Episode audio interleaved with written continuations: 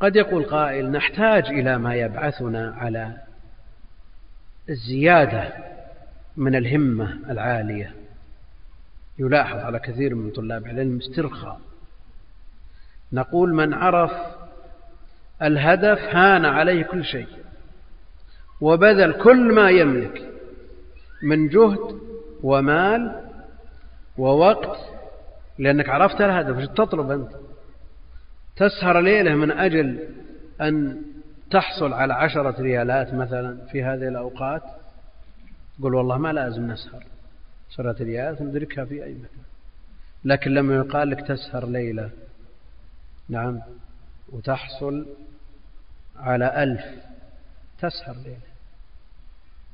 نعم لو قال ألفين كان الأمر أعظم وأشوق والنفس أريح ثلاثة آلاف أكثر. طيب اقرأ القرآن. كم تبي تقرأ بالساعة؟ يعني على أقل تقدير ثلاثة أجزاء. ساعتين ستة أجزاء في الليلة. ستة أجزاء. كم فيها من حسنة؟ الجزء الواحد فيه مئة ألف حسنة. مئة ألف حسنة. لو قال لك مئة ألف هللة في شرق الأرض وغربها ما ذهبت. لكن احرص على ما ينفعك. فإذا عرفت نفاسة ما تطلب هان عليك في تحقيقه وسبيله كل ما تبذل أيضا النظر مما يعينك على علو الهمة أن تنظر إلى الأعلى. ما تنظر إلى الأدنى. أنت في قاعة الدرس. نعم. اختبرت. وأخذت في النتيجة سبعين. يعني هل الأفضل لك أن تقول والله زميلي فلان أخذ ستين أنا أفضل منه ولا زميلي فلان أخذ تسعين؟ لابد أن أخذ تسعين امتياز. بل أضاعف الجهد لأخذ الدرجة كاملة. فمثل هذا يبعثك على علو الهمة. فكيف والمقابل لا تقوم له موازين الدنيا؟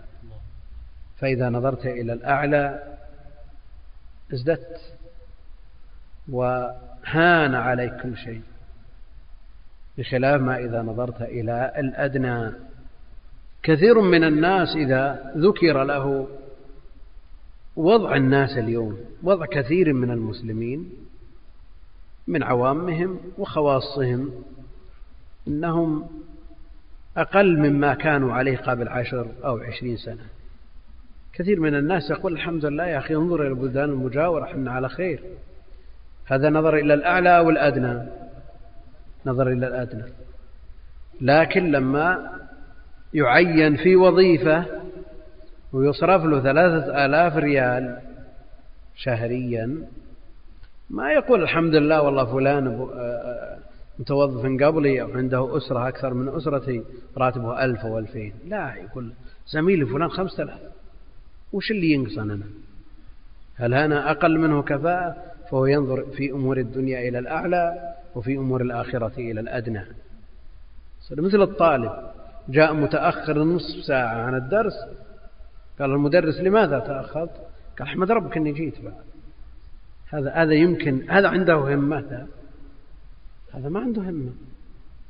فالإنسان يحتاج في مثل هذه الأمور أمور الآخرة يحتاج إلى أن ينظر إلى الأعلى ليزداد ويترقى ويصعد في الكمالات. أما في أمور الدنيا والدنيا يعني جاء التوجيه بأن لا ينسى الإنسان نصيبه من الدنيا لكن ما هي بهدف؟ بقدر البلغة.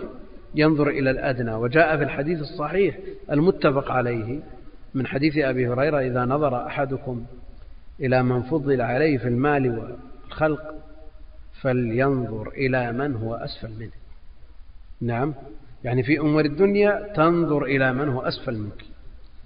وجاء في الحديث التعليل فهو أجدر ألا يزدري نعمة الله عليه. بخلاف أمور الدين. أمور الدين ما تنظر إلى فلان تقول والله أنا أفضل من فلان. هذا يبعثك على إيش؟ على العجب المؤدي إلى ترك العمل. والعجب آفة. في طريق العلم والعمل. من أعظم العوائق دون تحصيل العلم والعمل العجب بالنفس وازدراء الآخرين. لأنك إذا نظرت إلى من هو دونك في أمور الدين. تقول الله أنا الحمد لله أنا أصلي فلان أكثر الأوقات تصليها في بيته. وفلان تفوت بعض الركعات أنا ما يفوتني شيء. أنا والله الحمد لله أبتر وأقرأ القرآن لكن يا أخي أنظر إلى سيرة السلف الصالح. كيف يقضون أوقاته انظر من الأمثلة الواقعية التي تعيشها الآن من أهل العلم والفضل والعباد والزهاد والدعاة. تجد من الأمثلة ما يحدوك على العمل.